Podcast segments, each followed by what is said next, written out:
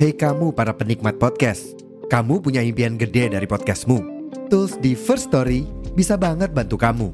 Mulai dari F-Link, Dynamic Audio Insertion, sampai statistik yang komprehensif, semua ada di First Story. Gak ketinggalan, kamu bisa monetisasi podcastmu lewat iklan dari First Story Ads yang bisa kasih kamu penghasilan dari setiap place podcastmu. Yuk gabung sekarang dengan klik di firststory.me. Sekali lagi, di firststory.me. Mari kita bawa mimpi podcastingmu menjadi kenyataan. Setahu gue semenjak umur 7 tahun dia udah main untuk Akademi Inter. Dia terus sama Inter akhirnya sampai ke tim Primavera. Pokoknya dia memang Interista sejati gitu. Di Parma dia main 14 kali dan hanya mencetak satu gol. Tapi menariknya satu gol ini adalah gol pertama dia di Serie A dan langsung melawan Inter Milan. Golnya keren banget. Tendangan kaki kiri yang keras dari luar kotak penalti cukup jauh dan itu Parma menang di Giuseppe Meazza. Spesial banget jadi memang ah. Kalau gue sendiri ya pasti seneng lah ya Di Marco dapat kontrak baru dan well deserved ya untuk gajinya 4 juta euro per musim. Malah menurut gue big deal sih untuk Inter dengan kontribusinya Di Marco saat ini dan permainannya juga udah jauh banget berkembang. Ini satu pertanyaan besar yang pengen gue lebar ke kalian juga. Apakah menurut kalian Di Marco sudah layak jadi kapten Inter? Tulis jawaban kalian opini kalian di kolom komentar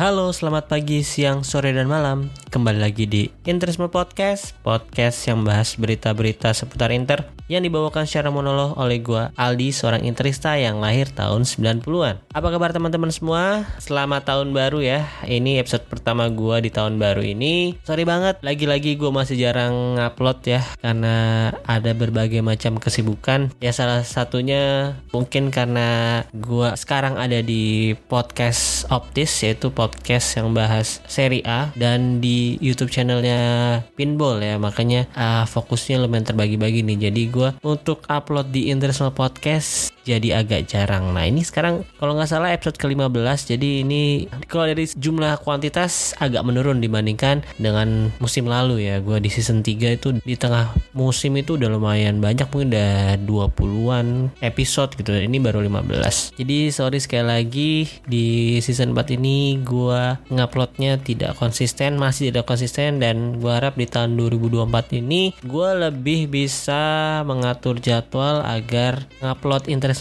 podcastnya bisa balik konsisten lagi. Jadi langsung aja ya berhubung ini tahun baru kebetulan juga Inter kemarin mengumumkan beberapa pemainnya mendapatkan kontrak baru yaitu ada Matteo Darmian dapat kontrak baru hingga 2025 kemudian Hendrik Mkhitaryan yang dapat kontrak sampai 2026 padahal nih Mkhitaryan umurnya udah tua ya. Sekarang aja udah 35 dia kalau nggak salah ulang tahunnya di awal-awal tahun juga gitu. Februari apa Januari gitu. Jadi bentar lagi 36 di, di Inter sampai 38 dong ya kalau 2026 ya. Aduh Yes, gue sih kalau selama dia masih bisa memberikan performa yang oke, okay, nggak apa-apa dia tetap main sampai umur 38. Cuman kalau gue lihat sekarang Mkhitaryan ini sebenarnya di menit 60 ke atas sudah ngos-ngosan. Jadi gue agak ragu nih kalau dia main sampai 38 masih bisa sebagus musim kemarin kah atau musim ini awal-awal musim juga masih bagus. Jadi ya kita nantikan dan berharapnya sih masih oke. Okay. Kalau Darmian ya 2025 berarti tahun depan ya. Ya mungkin Inter mau regenerasi di sektor back ya salah satu indikasinya yaitu mendatangkan Jan Bisek yang surprisingly di musim ini langsung bisa memberikan impresi yang bagus ke Inzaghi. Jadi dia sekarang lagi cukup sering dipakai sebagai starter. Dan kabarnya juga mau mendatangkan Thiago Jalo kan secara free transfer musim depan. Jadi refreshment di, di, di lini belakang lah ya. Nah satu lagi pemain yang mendapatkan kontrak baru adalah pemain favorit gua saat ini nih. Ya kalian mungkin udah pada tahu ya kalau kalian sering dengan podcast gua atau ngikutin gua di sosial media aja. Pemain ini adalah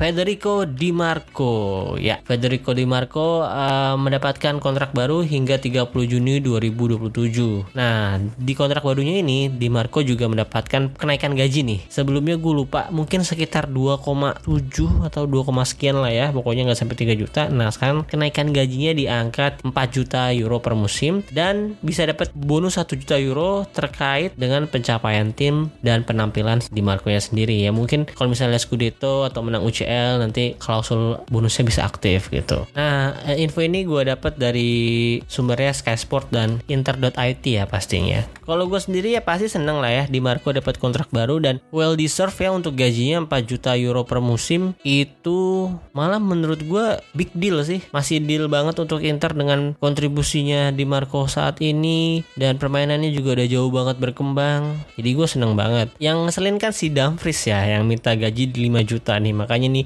Dumfries kemungkinan bakal dilepas ke MU katanya kalau misalnya memang perpanjangan kontraknya nggak menemui jalan terang ya. Songong banget dia minta gajinya gede-gede. Padahal kontribusinya kan kalau dibandingkan lu lihat aja di Marco ya dia masih di bawahnya lah ya masih kurang konsisten dia dan gue juga seneng ya karena di Marco ini adalah pemain favorit gue ya sebenarnya pemain favorit gue saat suka pertama Inter itu Alvaro Recoba itu gue udah pernah cerita ya karena dia yang mungkin secara accidentally jadi idola gue karena gue tuh gue dapat jerseynya dia waktu menang turnamen apalah di waktu kecil lah ya. Dan gue sering make Recoba di PS gitu di PS1 PS2 tuh masih jago. Nah sekarang beranjak remaja dan dewasa ini dewasa sih karena di Marco kan baru baru sering dipakainya di Inter tuh akhir-akhir ini lah mulai zaman Conte. Bahkan Conte juga sempat nggak kepake terus di Inzaghi baru kepake lagi kan. Ya di Marco menjelma menjadi pemain favorit gue mungkin gue udah bisa bilang all time sih ya karena gue tumbuhnya di era ini lah ya. Walaupun gue suka Inter dari 2003 yang memberikan kesan gue ya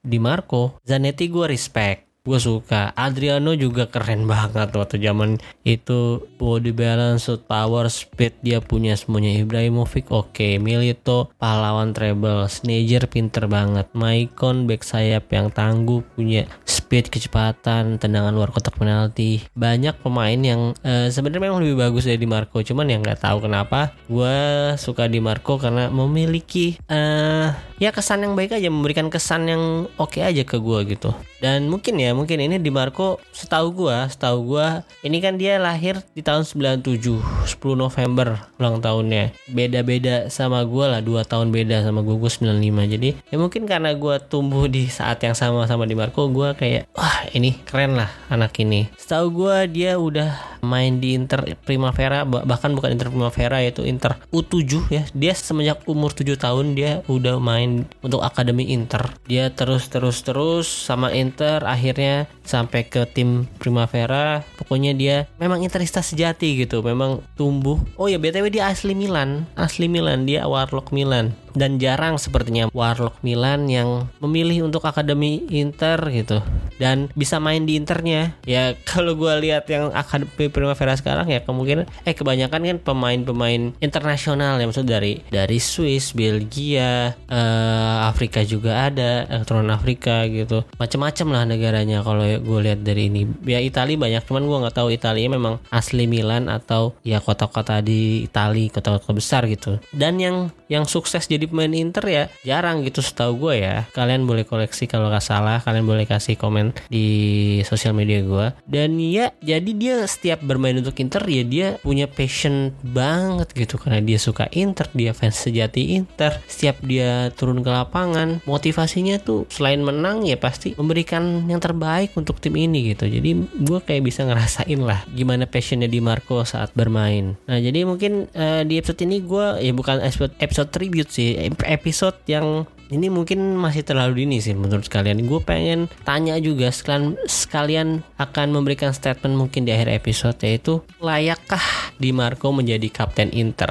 Tapi sebelum itu gue bacain dulu beberapa backstorynya ya. Tadi kan kita udah gue udah ngasih tahu kalau Di Marco itu lahir 97 terus fans Inter dari Primavera udah main untuk Inter U7 bahkan. Jadi ini gue mau ke backstorynya Di Marco. Oke ini gue sumber dari transfer market ya. Ini tahun 2013-14 itu Di Marco udah resmi ke Inter U19 atau Inter Primavera yaitu dari Interiot ya. Maksudnya dari Akademi Inter Interiot itu resmi ke Inter Primavera di musim 2004-2015. Nah, di tahun itu pula dia mendapatkan kesempatan untuk mencicipi game bersama Inter Senior. Debut pertamanya adalah ketika dia bermain menggantikan Danilo De Ambrosio di Europa League ya melawan Karabak dan hasilnya waktu itu memang kosong-kosong seri itu tanggal 31 Mei itu tanggal 11 Desember 2014. Nah, kemudian untuk debut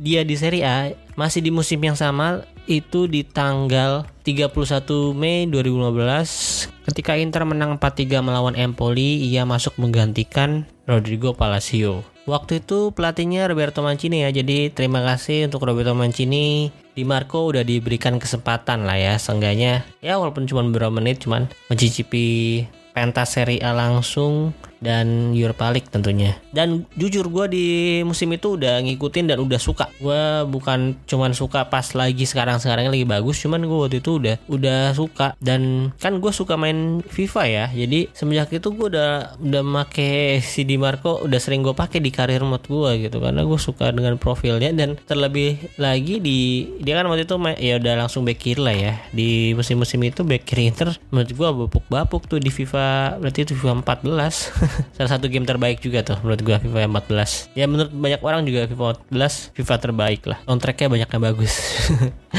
Oke balik lagi. Kalau kita ngomongin squad Inter musim itu ya sebenarnya nggak nggak dak era dak era banget sih kalau dilihat dari squadnya ya karena hmm, banyak pemain yang sebenarnya harusnya bisa ngasih lebih tim lah ya. Ini juga Mancini kan sempat bagus di awal musim sampai pertengahan gitu. Sampai Desember lah itu bagus. Ini kalau skuadnya gue bacain nih kiper ada Handanove, Carizo, Berni, Radu, Sebaik ada Joan Jesus, Ranocchia, Gary Medel, Ambrosio, Androli, Nemanja Vidic, Hugo Campagnaro, Felipe, terus juga Yuto Nagatomo, David Santon, ada Dodo juga masih ada di situ, Federico Marco dari Primavera, Jonathan, Ibrahim Ambaye itu juga uh, beberapa kali dikasih kesempatan juga musim itu kalau nggak salah, Elo Geau itu juga back Primavera, Marcelo Brozovic, Ian Empila, Rene Krin, Matteo Kovacic. Itu musim keberapanya ya? Musim kedua kalau saya dia masuk 13-14 terus Freddy Guarin, Ricky Alvarez salah satu main favorit gue juga di dak era Gusmanovic, Joel Obi, Sherdan Shakiri yang katanya musim itu sering dibawa ke dukun, Hernanes, Ruben Bota ini juga pemain yang katanya bakal jadi the next Rekoba cuman sering cedera. Terus ada Lukas Podolski, Mauro Icardi, Daniel Osvaldo yang kalau nggak ribut sama Icardi gue rasa juga itu bakal bagus tim musim itu ya. Rodrigo Palacio, Federico Bonazelli, George Puskas pemain Primavera lainnya gitu. Itu lah ya gambaran uh, squad Inter saat si Di Marco pertama kali main di Inter Primavera sekaligus debut di tim Inter seniornya ya. Oke, untuk karir selanjutnya memang gue rasa Inter perlu meminjamkan Di Marco ke beberapa tim ya untuk mendapatkan jam terbang makanya dia di musim keduanya yaitu di musim 2015-2016 dipinjamkan ke Ascoli eh, tim Serie B lah ya Selama itu dia hanya bermain 15 game dan ngasih 4 assist. Jadi dari jam terbangnya ternyata belum banyak dikasih kesempatan juga di seri B. Makanya di musim selanjutnya ngasih pinjam lagi ke Empoli kali ini yang bermain waktu itu di seri apa seri B ya? Gue lupa juga ya. Kayaknya di seri A deh seri A. Ya betul-betul. Nah selama di Empoli dia juga masih kurang menit bermain. Hanya bermain 12 kali lebih dikit ya. Dan hanya cetak satu assist. Plus main satu kali juga di Coppa Italia setelah masa peminjamannya selesai Inter juga sepertinya mungkin agak ragu juga dengan performanya di Marco di tim-tim Itali dan kurang jam bermain juga menit bermain. Tapi sayangnya waktu itu pelatihnya siapa? Nggak mau pakai di Marco. Jadi di Marco-nya dijual saat itu ke tim Swiss yaitu FC Sion dengan harga 3,9 juta. Kalau menurut situs transfer market nih Nah selama di FC Sion dia menit bermainnya juga ternyata belum banyak karena sering di terpacu cedera dia hanya main 10 kali cetak satu gol dan dua assist. Nah setelah itu gue nggak tahu kenapa Inter buyback dia ada ada klausul buybacknya mungkin terus di buyback dengan nilai 5 juta tapi musim itu dia nggak langsung dimainin lagi di Inter dia dipinjemin lagi ke Parma. Di Parma dia ini Parmanya udah naik ke Serie A ya dia main 14 kali 13 kali di Serie A satu kali di Coppa Italia dan hanya mencetak satu gol selama di Parma. Tapi menariknya satu gol ini adalah gol pertama dia di Serie A gol debut dia di Serie A ya karena di Serie B dia belum cetak gol di Ascoli di Empoli juga di Serie A cuma satu assist. Ini dia di Serie A cetak gol debut gol pertama. Dan langsung melawan Inter Milan. Golnya keren banget. Itu kalian juga pasti masih inget lah ada dalam memori kalian itu gol tendangan kaki kiri yang keras dari luar kotak penalti cukup jauh 30 meter kalau nggak salah ya. Kalau gue lihat dari beberapa artikel tadi gue baca sebelumnya 30 meter. Dan itu Parma menang di Giuseppe Meazza. Spesial banget jadi memang ah mungkin ini adalah titik baliknya manajemen Inter akhirnya sadar untuk memakai Di Marco untuk timnya sendiri gitu. Mungkin di sini titik baliknya. Maksudnya ini keren banget ini gol pertama dia dan langsung melawan tim yang dia suka gitu. Tim yang dia support dari kecil. Bahkan ini tim dia sebenarnya dia kan masih loan tapi dia sudah selebrasi gue juga bingung ini gue uh, dalam hatinya gimana ya? Gol pertama dia dia pasti seneng. Cuman ini gol melawan tim favorit gue tim yang gue dukung. Bukan favorit lagi ini tim gue gitu. Mendarah daging di gue dia masih selebrasi tapi itulah yang gue suka dari Marco justru. Maksudnya dia sangat passionate dalam bermain bola. Dia bermain 100% untuk tim yang dia bela. Ya walaupun waktu itu lawan Inter tim yang dia suka tapi kan lagi dipinjemin. Sehingga dia profesional juga lah. Dan gue bisa ngerti kenapa dia selebrasi seseneng itu. Oke, jadi akhirnya setelah tampil cukup oke di Parma, walaupun masih kurang banyak menitnya, Inter mengembalikan lagi si Di Marco-nya dia coba mau coba di awal musim 2019-2020 di mana adalah musim pertama Conte melatih Inter lah ya. Di musim ini ia sempat dipakai. Dia bermain sebanyak empat kali doang. Jadi memang nggak banyak ya. Makanya itu di paruh musim BTW. Di paruh musim dia cuma ngasih tiga kali di Serie A, satu kali di Coppa Italia si Conte. Nah gue ngerti, gue ngerti kenapa karena di musim ini udah lumayan banyak uh, pemain-pemain Inter yang maksudnya udah mulai dirombak lah dari formasi 4-3-1-2 juga udah pindah jadi 3-5-2 nya Conte. Jadi mungkin saat itu Di Marco menurut gue ya belum fasih untuk main sebagai left wing back. Dia masih left back doang gitu yang cuman left back yang sering maju aja. Memang dia kan cukup ofensif ya waktu di Parma juga sering mengancam ke depan gitu. Jadi akhirnya dia nggak kepake sehingga dia harus dipinjamkan di paruh musim ke Hellas Verona. Nah, di Hellas Verona ini dia tampil cukup oke nih di paruh musim kedua ya bersama Hellas Verona Barcelona dia 13 kali penampilan dan 3 assist. Jadi ini kalau nggak salah pelatih Ivan Juric ya. Gue lagi-lagi suka sama Ivan Juric. Ini selama dia melatih Verona Torino gitu dia sering membawa atau sering mengeluarkan potensi terbaik main-main mudanya gitu. Dan setahu gue ya salah satunya si Ivan Ilic yang sekarang juga sampai dibawa-bawa ke Torino ya itu pemain yang gue suka juga. Jadi dia kayak punya hmm, koneksi sendiri lah dengan pemain-pemainnya gitu. Jadi mungkin selain sosok pelatih, sosok ayah juga. Nah, e, musim selanjutnya di musim 2020-2021 peminjamannya itu diteruskan ya. Jadi dia dipinjam satu setengah musim nih. Di musim ini dia full dan bermain 35 kali di Serie A, dua kali di Coppa Italia, mencetak 5 gol, 5 assist. Ini sebuah uh, kemajuan yang pesat ya di untuk di Marco di musim itu dia punya torehan gol dan assist yang cukup meningkat dari musim sebelumnya. Ya mungkin keputusan tepat juga untuk Conte meminjamkan dia di musim itu ya. Karena di musim itu juga cukup stuck untuk posisi left wing back ya. Lagi-lagi gue bilang mungkin ya di Marco saat itu dianggap belum fasih untuk main left wing back dan di Inter sendiri waktu itu posisi left wing backnya ada Asli yang sama Alexander Kolarov ya. Terus Darmian juga kadang-kadang sering dipakai di kiri kan. Kalau si Hakimi di kanan lagi bagus banget, mungkin si Darmian yang dipindahin ke kiri. Terus si Perisic juga udah kadang-kadang dipakai di situ kan. Kalau misalnya Inter lagi posisi ketinggalan atau posisi yang memang butuh gol pasti Perisic di udah lumayan sering dipakai di situ tuh dan di musim itu Perisic sudah mulai menjelma jadi left wing back. Jadi memang kayaknya kalau dia masih di Inter saat itu masih kurang menit bermainnya ya. Hmm, tapi sayang juga jadinya. Maksudnya di musim itu Di Marco tidak ikut mendapat Scudetto. nah, satu musim bermain bagus di Las Verona akhirnya perjalanan Di Marco malang melintang ke beberapa tim terhenti di musim 2020-2021 dan dia balik ke Inter di 2021-2022 di skuadnya Inzaghi dia bermain cukup reguler.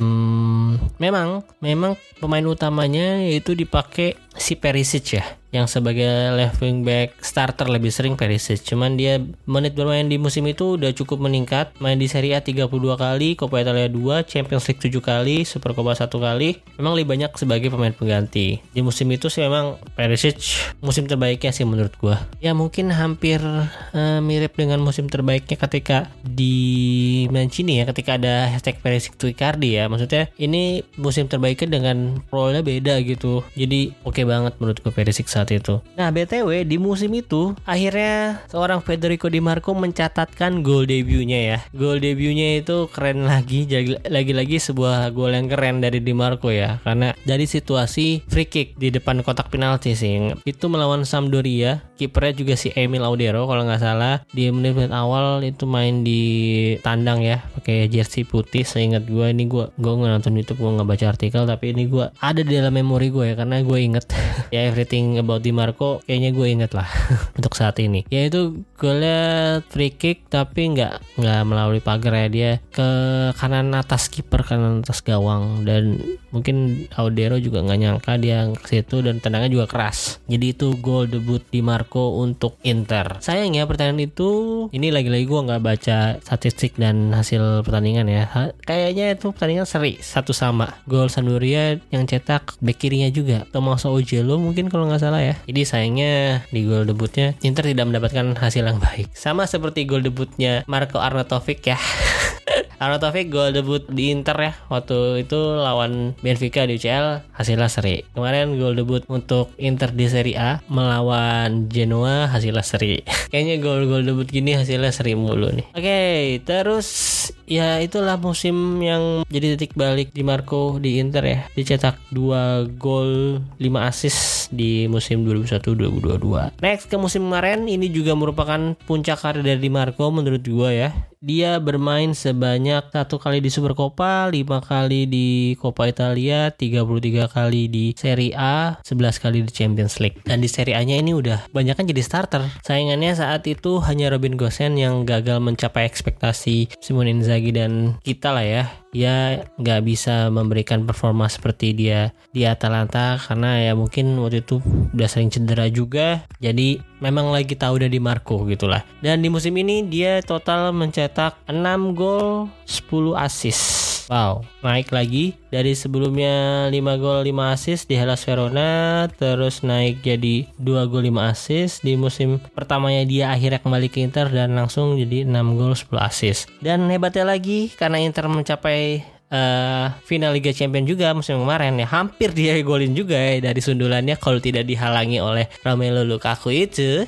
Dia hampir mencetak gol penyama kedudukan loh. Nah, tapi yang lebih menyenangkan lagi dan membanggakan lagi mungkin bagi dia sendiri adalah dia masuk best 11 UEFA Champions League musim itu. Congrats di Marco hard work pay off sih hard work pay off banget. Itu dari dia seorang fans Inter umur 7 tahun mulai main di Inter Youth Academy sampai di Inter Primavera dan debut di Inter Milan banyak lika-liku banyak masalah sehingga dia harus dipinjem-pinjemin bermasalah juga sama cederanya waktu itu ketika di Swiss dan balik lagi ke Italia sempat bersaing dengan pemain-pemain di tim Conte sehingga dia didepak di musim Inter Scudetto itu itu adalah salah satu hal yang gue sayang menyenangkan sebenarnya ya. Maksudnya di musim itu sebenarnya gue pengen banget lihat Di Marco ada di tim. Impian gue adalah melihat Di Marco dan Hakimi bermain bareng gitu. Itu gimana betapa mengerikannya penyerangan Inter lewat lewat sayap kanan kiri bro Hakimi di kanan di Marco di kiri offense-nya sama-sama gila ya cuman memang riskan di defense ya kan biasanya kan kalau Conte memang maininnya uh, bisa yang uh, wingback kanannya itu ofensif biasanya yang kirinya taruhnya yang agak defensif gitu biar balance atau sebaliknya ya I hope kesampaian lah ya uh, duet di Marco dan Hakimi balik lagi ke squad Inter. Amin. Yuk musim depan bisa kali. Hakimi udah nggak betah tuh di Prancis. Jadi minoritas dia di sana. Dan sejauh ini udah hampir paruh musim. Gue ngetek di sebelum Giornata 19 ya. Selama Genoa sebelum melawan Hellas Verona. Ia sudah bermain sebanyak 5 kali di Champions League 15 kali di Serie A satu kali di Coppa Italia. Sudah mencatatkan 3 assist 5 gol. Ini untuk di Serie A nya aja udah 3 assist 4 gol ya. Hampir mencapai gol dan assist yang musim lalu ya. Beda 1-1 doang 1 1 assist nih. Dan gue harap juga bisa melampaui torehan dia ketika bermain di Hellas Verona ya. Jadi semoga ini jadi tahunnya di Marco lagi di Champions League maupun di Serie A. Kayaknya dia belum pernah masuk ya musim kemarin kayaknya nggak masuk uh, best starting elevennya Serie A ya. Malah sih Theo Hernandez itu yang masuk nggak jelas kalau dibandingkan sama kontribusinya di Marco. Gue rasa lebih banyak di Marco. Ya tapi eh mau mau bagi-bagi aja tuh ke setiap tim karena Inter udah kirimin Barella sama Martinez kalau nggak salah ya. Ya harapan gue sih itu ya. Yang pasti semoga di Marco semakin berkembang berkembang, dijauhi dari cedera lah ya yang pasti dan tidak tergoda oleh tim-tim Premier League ya. Ini kalau kita lihat market value-nya di transfer market, ini market value-nya cuma 50 juta loh di Marco. Ini kalau bagi tim-tim Premier League mah ini murah anjir. Bagi City, MU, Chelsea, Tottenham, Liverpool 5 murah. Apalagi bagi Madrid sama PSG. Ah sayang namanya Federico Di Marco cuma coba namanya nama Inggris. Ini kalau Di Marco main di Liga Inggris nih, main di Southampton, eh Southampton udah di Champions ya. Main di apa? Tim-tim inilah, tim-tim papan tengahnya Liga Inggris, Wolves, Everton, gitu-gitu ini harganya ada 80 juta ini kalau main di IPL mah. Dengan performa di Marco kayak gini dengan skill set yang dia punya. Ya tapi semoga Inter juga nggak kepepet untuk menjual di Marco gitu. Karena ini loh menurut gue dia lah ya yang saat ini ada di tim yang punya passionate banget main di Inter dan memang jiwanya udah Interisti gitu. Dan makanya menurut gue sih musim depan lah ya mungkin musim ini belum. Karena dia belum memiliki satu hal yang perlu dipunya. Menurut gue untuk jadi kapten musim depan dia harusnya sih udah udah jadi kapten kedua atau kapten ketiga sih. Kalau dilihat dari background storynya dari kecintaan dia sama Inter permainan dia untuk Inter betapa vitalnya dia untuk Inter gua rasa sih memang udah seharusnya dia punya peran lebih di Inter sih. Memang secara leadership gue belum belum lihat menonjol ya di dirinya ya. Dia masih 26 tahun. Memang kalau dibandingkan sama Martinez Bastoni Barella ya sebenarnya sumuran hampir-hampir mirip umur ya cuman dia yang kurang lah masih kayak bocah mungkin lah ya. Tapi udah jenggotan jenggot udah ditebelin tuh. Kayaknya emang dia udah mulai mencoba dewasa nih sebenarnya jadi gue harap mungkin di musim depan dia punya jauh leadership yang lebih baik dia punya peran lebih penting lagi di Inter dan bisa jadi kapten kedua atau ketiga gitu. Kalau sekarang urutannya Kapten pertamanya Lautaro, keduanya Barella, ketiga Darmian, keempat Bastoni. Kayaknya sih gitu ya. Atau Bastoni sama Darmian dibolak-balik. Tapi gua harap ya di Marco juga ada dalam list itulah. Seenggaknya jadi co-kapten dulu. Mungkin nanti 2-3 tahun ke depan bisa jadi kapten utama. Dan gua sih pengennya dia uh, menghabiskan masa prime-nya di Inter gitu. Bahkan kalau misalnya sampai pensiun dia masih oke, okay, nggak apa-apa di Inter. Bisa jadi next Zanetti juga kan. Ya gue sih requestnya mungkin ganti nomor kali ya nih Marco. Dia kan udah udah punya tiga nomor di internet. Sebenarnya dari pas dia main di Primavera itu pas di seniornya main pakai nomor 93 terus ketika balik dari Parma saat itu sempat pakai nomor 21 dan sekarang balik lagi ke Inter di musim Inzaghi dia pakai nomor 32 sampai sekarang. Dia tuh sebenarnya suka nomor 3 ya. Dia di timnas pakai nomor 3 dia di Hellas Verona pakai nomor 3 di Primavera juga tuh kayak nomor 3 seringnya ya. Jadi dia sebenarnya nomor 3 sukanya. Karena nomor 3 udah dipensiunkan dan ketika dia datang nomor 3 3 3 itu dimiliki oleh our savior Lord Danilo D'Ambrosio jadi dia nggak mungkin bisa geser jadi dia pindah sedikit ke nomor 32 nah ini D'Ambrosio udah nggak ada gue pengen sih dia pakai nomor 33 atau 13 nomor favorit gue juga tuh 13 jadi gue bisa semakin ngotot untuk beli jersey orinya di Marco nih. BTW yang jersey 2021 22 kan gue udah punya tuh yang sering gue pakai syuting di pinball tuh. Itu ori loh dari Milan. Gue nitip ke si Rangga tuh. Itu dia ke Milan ke San Siro Store. Nah, ini kalau di Marco musim depan pakai nomor 13, gue nazar beli tiga-tiganya home, away sama alternate. Ya gue nazar di episode kali ini lah pokoknya. Kalau misalnya dia ganti nomor nomor 13. Penting banget tuh. Jadi mungkin gitu aja. Ini satu pertanyaan besar yang pengen gue lebar ke kalian juga. Apakah menurut kalian Di Marco sudah layak jadi kapten Inter? Nah, kalian tulis jawaban kalian, opini kalian di kolom komentar postingan sosial media gue ya. E, boleh di Instagram atau di Twitter atau di mana lagi ya? Sebenarnya di Spotify udah bisa komen juga kan sekarang. Masih replay. Nah, kasihlah opini kalian. Kita diskusi bareng-bareng. Oke, jadi mungkin itu aja untuk episode kali ini. Terima kasih untuk teman-teman yang sudah mendengarkan. Jangan lupa tadi di follow akun sosial media gue. Kalau di Instagram ada Interisme Podcast, Twitter ada Interisme Media. Follow atau subscribe juga podcastnya ya kalau di Spotify di follow noise subscribe nyalain loncengnya biar kalian nggak ketinggalan tiap ada episode baru sekali lagi terima kasih Adi Fiderci Forza Inter